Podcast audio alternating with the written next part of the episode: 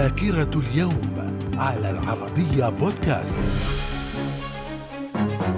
أهلا بكم ومن ذاكرة السابع عشر من نوفمبر. في العام 1511 إسبانيا وإنجلترا يتحالفان ضد فرنسا. وفي العام 1558 الأميرة إليزابيث ابنة الملك هنري الثامن تتولى حكم إنجلترا خلفا لأختها غير الشقيقة ماري الأولى وذلك تحت اسم إليزابيث الأولى. من الذاكرة. في العام 1808 القوات الإنكشارية العثمانية تثور ضد السلطان محمود الثاني بعد محاولته القضاء عليها. وفي العام 1809 البريطانيون يهجمون على معقل القواسم في رأس الخيمة وبدء الحملة البريطانية الثانية. من الذاكرة. من أحداث السابع عشر من نوفمبر في العام 1930 مجلس العموم البريطاني يشهد نقاشا حول فلسطين يتعلق بالطريقة التي تمارس فيها الحكومة انتدابها عليها.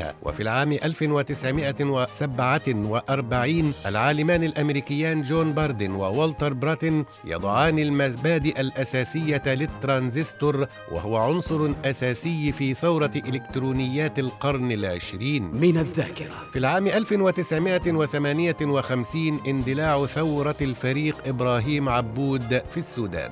ومن ذاكرة السابع عشر من نوفمبر في العام 1975 ملك المغرب الحسن الثاني يعلن عزمه تسير مظاهرات شعبية إلى الصحراء الغربية لتحريرها بعد إعلان محكمة العدل الدولية أنها أرض مغربية. وفي العام 1989 بدء الثورة المخملية في تشيكوسلوفاكيا أثناء الحرب الباردة وكانت بدايتها بمظاهرات طلابية في براغ. من الذاكرة. في العام 1998 إبرام اتفاقية واي ريفر والتي نصت على انسحاب إسرائيل من بعض مناطق الضفة الغربية وعلى مكافحة الإرهاب وتوطيد العلاقات الاقتصادية بين السلطة الفلسطينية وإسرائيل. من الذاكرة. إلى اللقاء.